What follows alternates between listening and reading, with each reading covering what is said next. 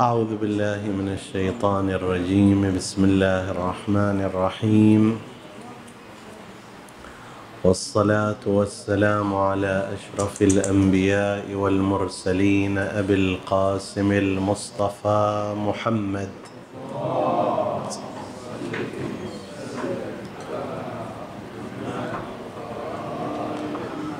وعلى آل بيته الطيبين الطاهرين المعصومين المكرمين.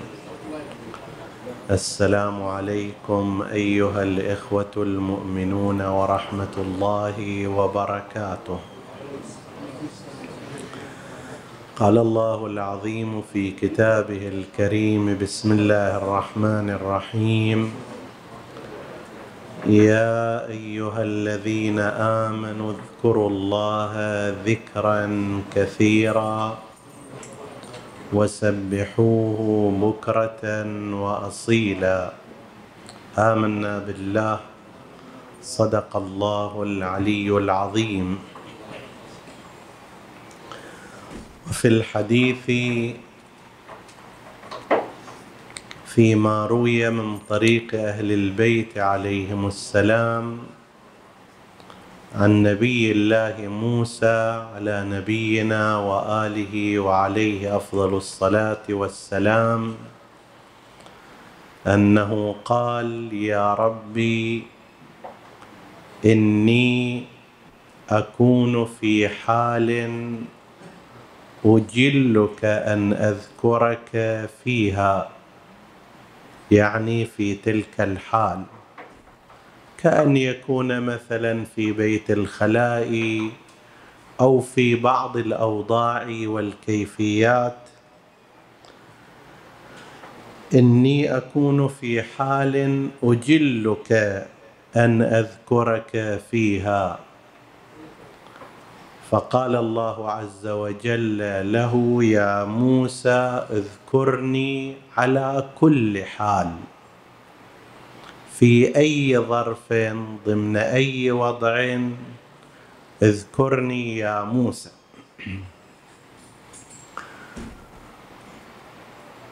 في رواية أخرى عن الإمام الصادق عليه السلام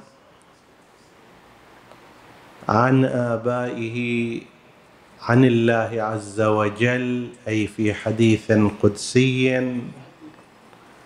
يا ابن آدم اذكرني في نفسك أذكرك في نفسي.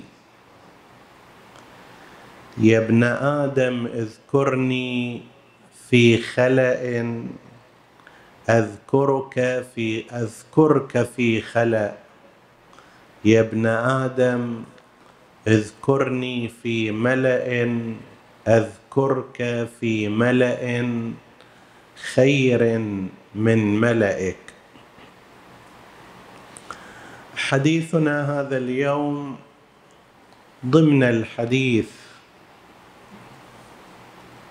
عن ثواب الأعمال وعقابها يتناول موضوع الذكر. ذكر الإنسان ربه بشتى أنواع الذكر مؤثر جدا في إيمانه وهو على حد سائر الأمور التي طلب الله من عباده المؤمنين. أن يقوموا بها. مثل ما قال أقيموا الصلاة آتوا الزكاة. أيضا قال اذكروني أذكركم. قال اذكروا الله ذكرا كثيرا. قال اذكر ربك في نفسك تضرعا. وهكذا سائر آيات القرآن الكريم الحاثه على موضوع الذكر. للذكر أيضا آثار كما بينت الآيات المباركة وبينت الروايات الشريفة أولها وأعلاها وعد الله عز وجل اذكروني أذكركم.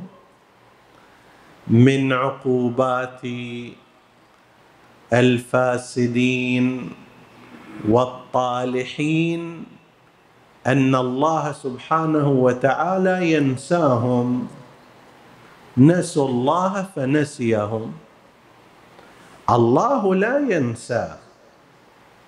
لا يعزب عنه مثقال ذرة في السماوات ولا في الأرض.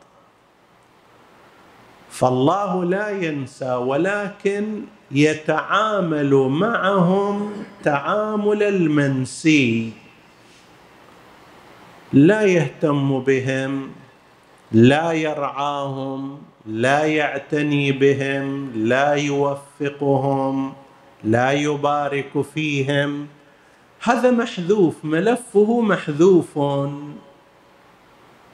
بينما ذاك الانسان الذاكر وعد الله سبحانه وتعالى أن يذكر اذكروني أذكركم. واشكروا لي ولا تكفرون. الذكر متعدد ومتنوع. هذا اليوم سنشير إلى جهة من جهاته وهي قد تكون هذه الإشارة إجابة على سؤال أن الأذكار مثلا الأسبوع الماضي تحدثنا أن من قال الحمد لله رب العالمين في أول نهاره فقد أدى شكر ذلك النهار. الحمد لله رب العالمين أربع مرات. من قالها في ليلته فقد أدى شكر تلك الليلة. من قال الحمد لله على كل نعمة كانت أو هي كائنة. سبع مرات فقد أدى شكر ما مضى وشكر ما يأتي.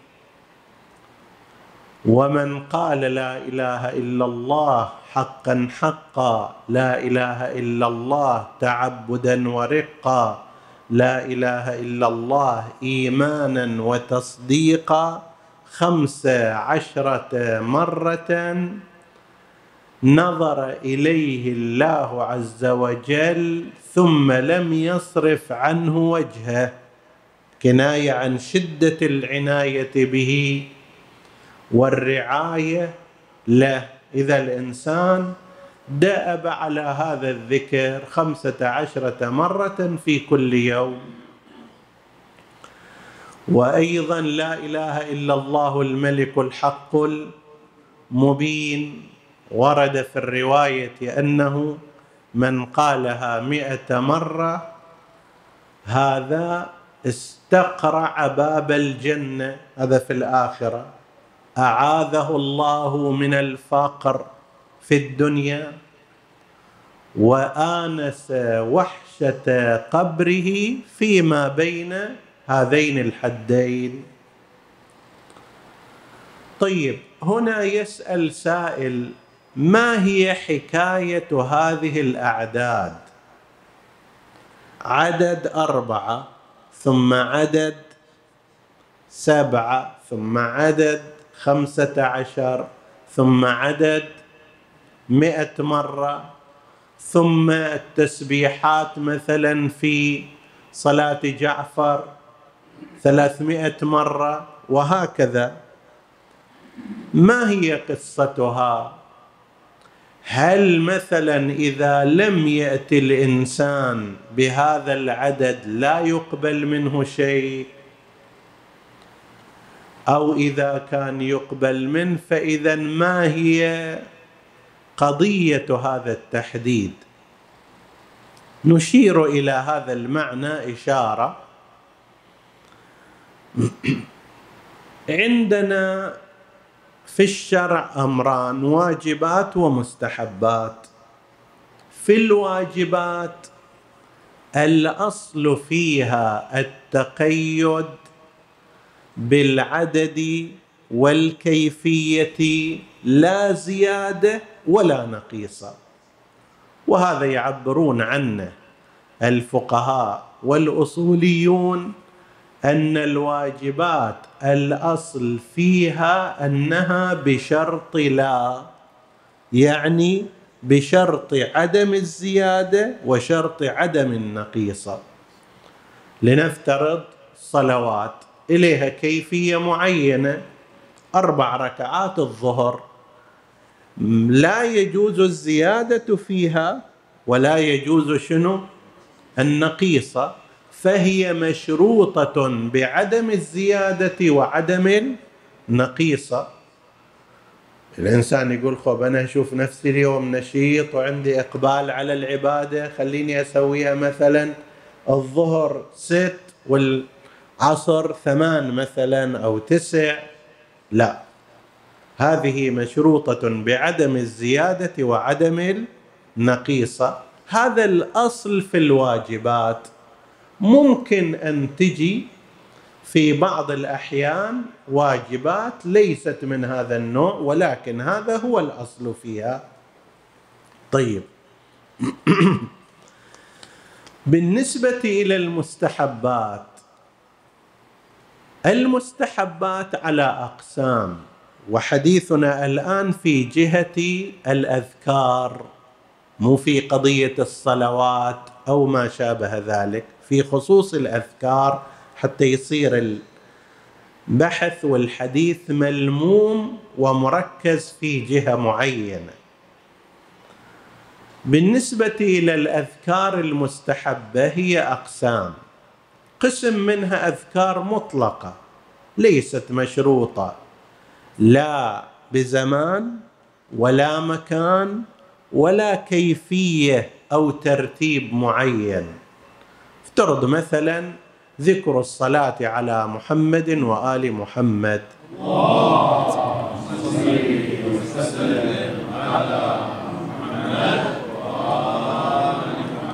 ومطلق ذكر الله عز وجل. نبي الله موسى يقول له أنا بعض الأحيان أكون في مكان مو مناسب. ان أذكرك يا ربي اسمك الشريف. أن آتي به في ذلك المكان قال اذكرني على كل حال. أيضا فيها هذه اذكرني على كل حال زمانا مكانا كيفيه عددا. تريد تقول لا إله إلا الله مرة واحدة أو ألف مرة؟ كل واحد بأجره. ماكو شرط هنا إما لازم تجيب مثلا هل قد عدد وإلا ما مقبول. في الواجبات عندنا هذا. أشواط طواف العمرة أو طواف النساء الواجب إما سبعة وإلا ما مقبول منك. صلاة إما أربعة وإلا ما مقبول منك. بالنسبة إلى الأذكار المستحبة منها ما هو؟ مطلق من جهة العدد والكيفية والزمان. ما مربوط بوقت معين؟ ولا كيفية معينة أول تقول هالشكل بعدين تقول هالشكل ولا عدد. هذا قسم. وهو أغلب الأذكار. أغلب الأذكار هو من هذا النوع. عندنا قسم آخر قد يكون مربوطا بزمان معين أو مكان معين أو عدد معين أو كيفية معينة أو أحيانا يجتمع فيه أكثر من جهة. قل لك مثلا هذا الدعاء في تعقيبات صلاة الفجر أو في تعقيبات الصلوات. لا إله إلا الله. كلما هلل الله شيء وكما يحب الله أن يهلل وكما ينبغي لكرم وجهه وعز جلاله. الحمد لله. كلما حمد الله شيء وكما يحب الله أن يحمد وكما هو أهله وكما ينبغي لكرم وجهه وعز جلاله. وهكذا إلى سائر الأذكار. هذا المستحب مالها أن تكون بعد الصلوات في التعقيب. طيب هذا مربوطه بزمان. أحيانا مربوطه بكيفية مثل تسبيحة سيدتنا الزهراء سلام الله عليها. تسبيحة الزهراء بالإضافة إلى أنها وصفت بأنها الذكر الكثير. يا أيها الذين آمنوا اذكروا الله ذكرا كثيرا في أحاديث المعصومين أن تسبيحة الزهراء هي من الذكر الكثير. هذه لها كيفية. 34 مرة الله أكبر أول شيء ثم التحميد ثم التسبيح على ما هو المشهور. طيب فهذه هم في العدد في هناك التفاتة وأيضا في الترتيب. تبدأ بالتكبير أو بغيره. فهذا قسم من الأذكار له كيفية وله عدد معين. لعل سائلا يسأل أنه شنو أهمية هذه الأعداد؟ يعني مثلا لو واحد بدل ما يجيب 34 جاب 24 بدل ما يجيب 33 جاب 13 طيب شنو اللي راح يصير؟ ماذا يحدث؟ هل له أثر أو لا؟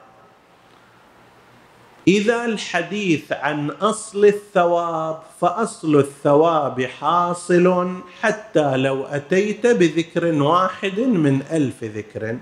وما كان الله ليضيع إيمانكم. الله سبحانه وتعالى ما يضيع عليك العمل الصالح والإيمان والذكر.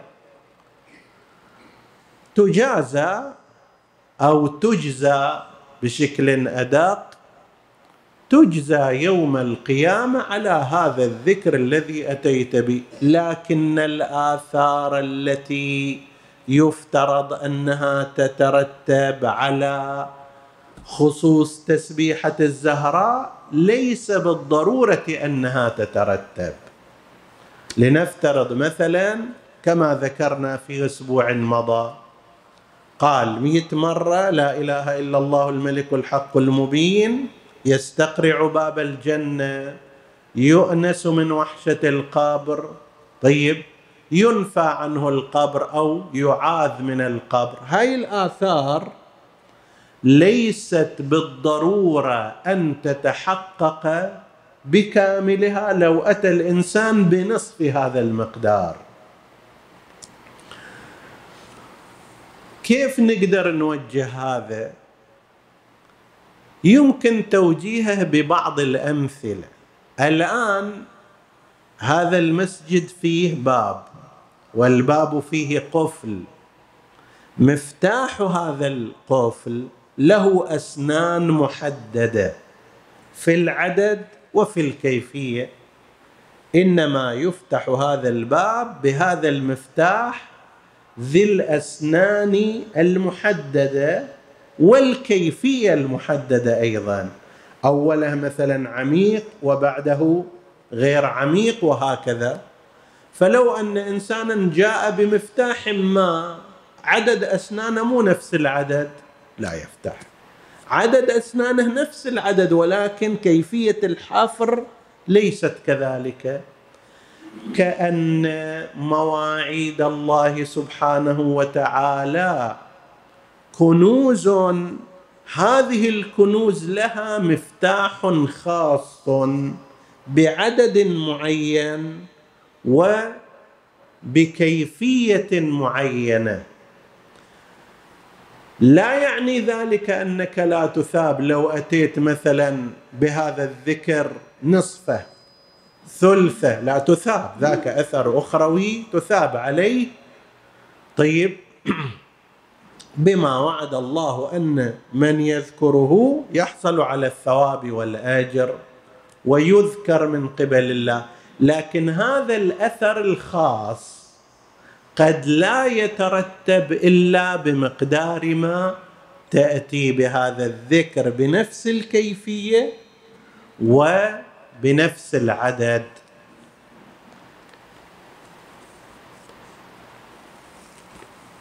مثال آخر لو أردنا أن نأتي به غير أن هذه الأذكار بهذه الكيفيات والأعداد عبارة عن مفاتيح خاصة لكنوز إلهية الله أخبر عنها.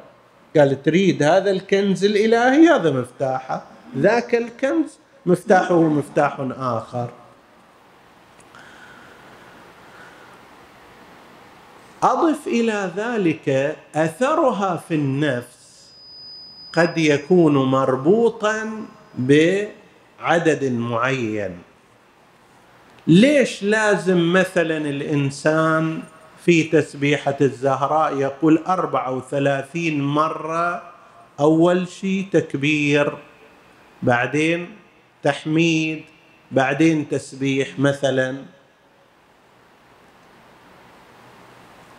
ليش ما مرة واحدة فقط؟ مرتين في كل واحدة خصوصا إحنا في عصر السرعة هالأيام.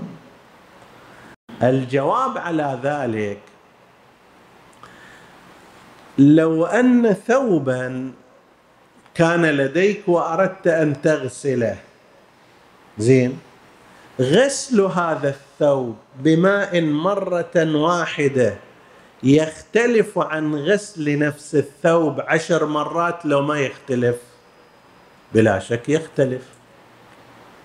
من حيث نظافة هذا الثوب ونقائه جدا يختلف كلما زاد العدد كانت نظافة ذلك الثوب أكثر مما سبق.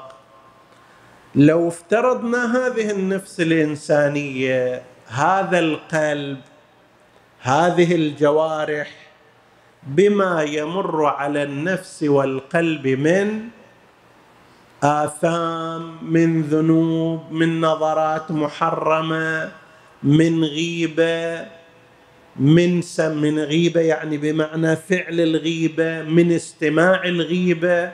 هذه كلها ملوثات تصير على الإنسان.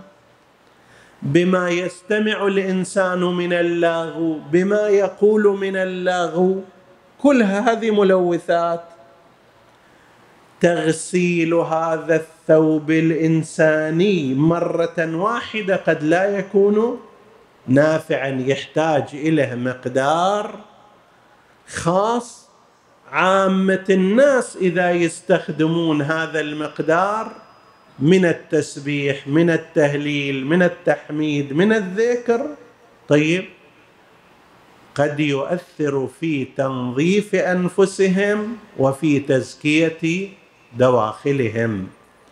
لذلك رأينا مع استحباب كل ذكر بأي عدد من الأعداد رأينا أن بعض الآثار إنما تحصل إذا كان هناك عدد معين وهذا واضح وخالق النفس الإنسانية يدري عنه.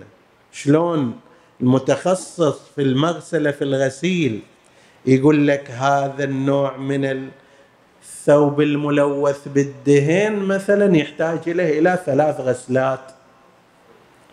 ذاك الثوب الثقيل يحتاج إليه إلى أربع غسلات. صار عنده خبرة. الله الذي خلق هذه النفس خلق هذا الإنسان علم أن ما يرد عليها من الملوثات الداخلية والنفسية تحتاج معه إلى هذه المقادير من الذكر. في العبادات الواجبة فرض أشياء معينة. في العبادات المستحبة ندب إلى أشياء معينة. هذه قادرة على تطهير هذه النفس.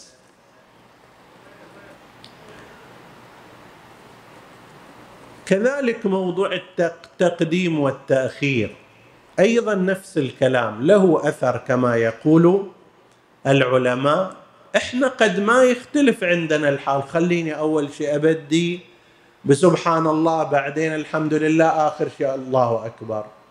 قد لا يختلف عندي الحال ولكن الخبير يفهم أن تقديم بعض الأشياء على بعض مؤثر كما ذكرنا هذا سن المفتاح المرتفع مرة يكون قدام مرة يكون في الخلف.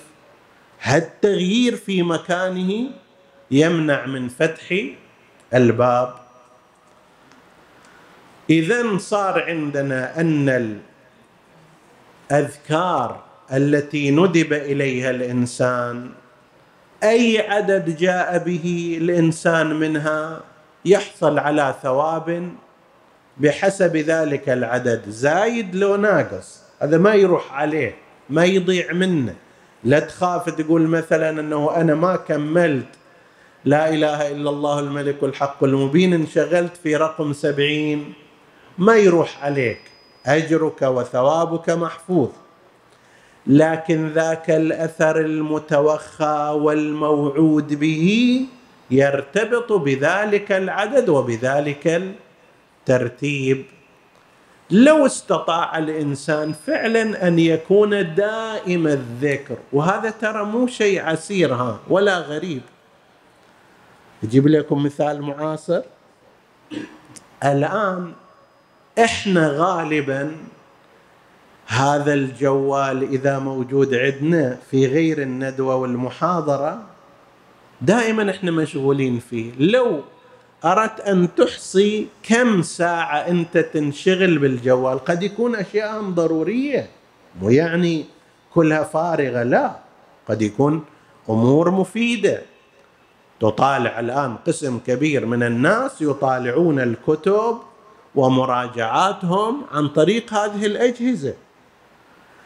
قسم آخر رسائل مهمة. جزء من شغلهم التجاري هو بهذا. خلاص بعد المكتب ماله مو طاولة ولا غرفة وإنما المكتب ماله جهاز من هذه الأجهزة وين ما يكون يشتغل فيه.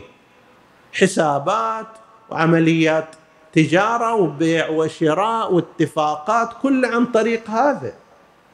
طيب وقسم ثالث أيضا لعب وما أدري كذا يعني ألعاب وصرف الوقت في مثل هذه الأمور. فلا يعني ذلك أنه كل شيء انشغال في مثل هذه الأجهزة يعني سيء. لا الأمر إذا أردنا الإنصاف يرتبط بماذا تصنع فيه. الآن كيف أن انشغال الناس بهذا المقدار بهذه الأجهزة؟ وهو انشغال كبير. أنا وأنت سوي تجربة. احسب وأحسب كم في اليوم من الدقائق والساعات أنا أصرفها في هذا. وقلت قد يكون في أمور نافعة. أحيانا قد تصل إلى الساعات أكثر أقل. طيب. وأما عند بعض الذين يلعبون ألعاب غير نافعة ويضيعون عمرهم فتصل أحيانا إلى أكثر نهارا. هذا لو أن الإنسان بدل القضية وصار مشغول بالذكر وهو يسوق يذكر الله. ما يقدر وهو يسوق أن يرسل رسائل بالجوال. ما يقدر يدخل على مثل الإنترنت أو على رسائله أو على كذا في وهو يسوق. ولكنه يستطيع أن يذكر الله وهو في حال القيادة بل يندب إلى ذلك حتى يكون محفوظا إذا ذكر الله ذكره الله وسلم. طيب لو بدلنا هذا الأمر من كوننا طول الوقت على الشاشة ننقل نفس هذا إلى قضية ذكر الله عز وجل ترطيب اللسان بذكر الله تفكر في أمر الله. أحيانا ترى مطلوب من الإنسان حتى لو لم ينطق يتفكر في أمر الله عز وجل. هذا مطلوب منا. بالإضافة إلى ما يراد من ذكر الله عز وجل. أختم حديثي بحديث جميل مروي من طريق مدرسه الخلفاء ومروي أيضا من طريقنا. في طريق مدرسة الخلفاء الطبراني ذكره ونقله عنه صاحب كتاب الشفاء بحقوق المصطفى عن أبي بن كعب. أبي بن كعب واحد من أصحاب الرسول الخلص. تحدثنا عنه وعن سيرته وأنه كان سيد القراء بلا منازع وأمر الناس من طريق أهل البيت أن يقرأوا بقراءة أبي.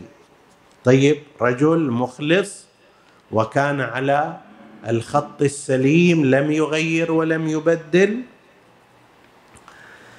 قال أبي بن كعب يا رسول الله إني أكثر الصلاة عليك فكم أجعل لك من صلاتي؟ في حديث آخر تفصيل لهذا. يعني يقول له أنا عندي وقت معين للتعبد. لنفترض مثلا عندي مقدار ثلاث أربع ساعات. كم أخلي من هذا للصلاة عليك فقال له رسول الله صلى الله عليه وآله ما شئت. المقدار اللي تراه. قال الربع ربع وقتي التعبدي أخليها في الصلاة عليك.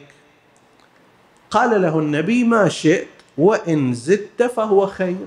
أكثر من الربع هم زين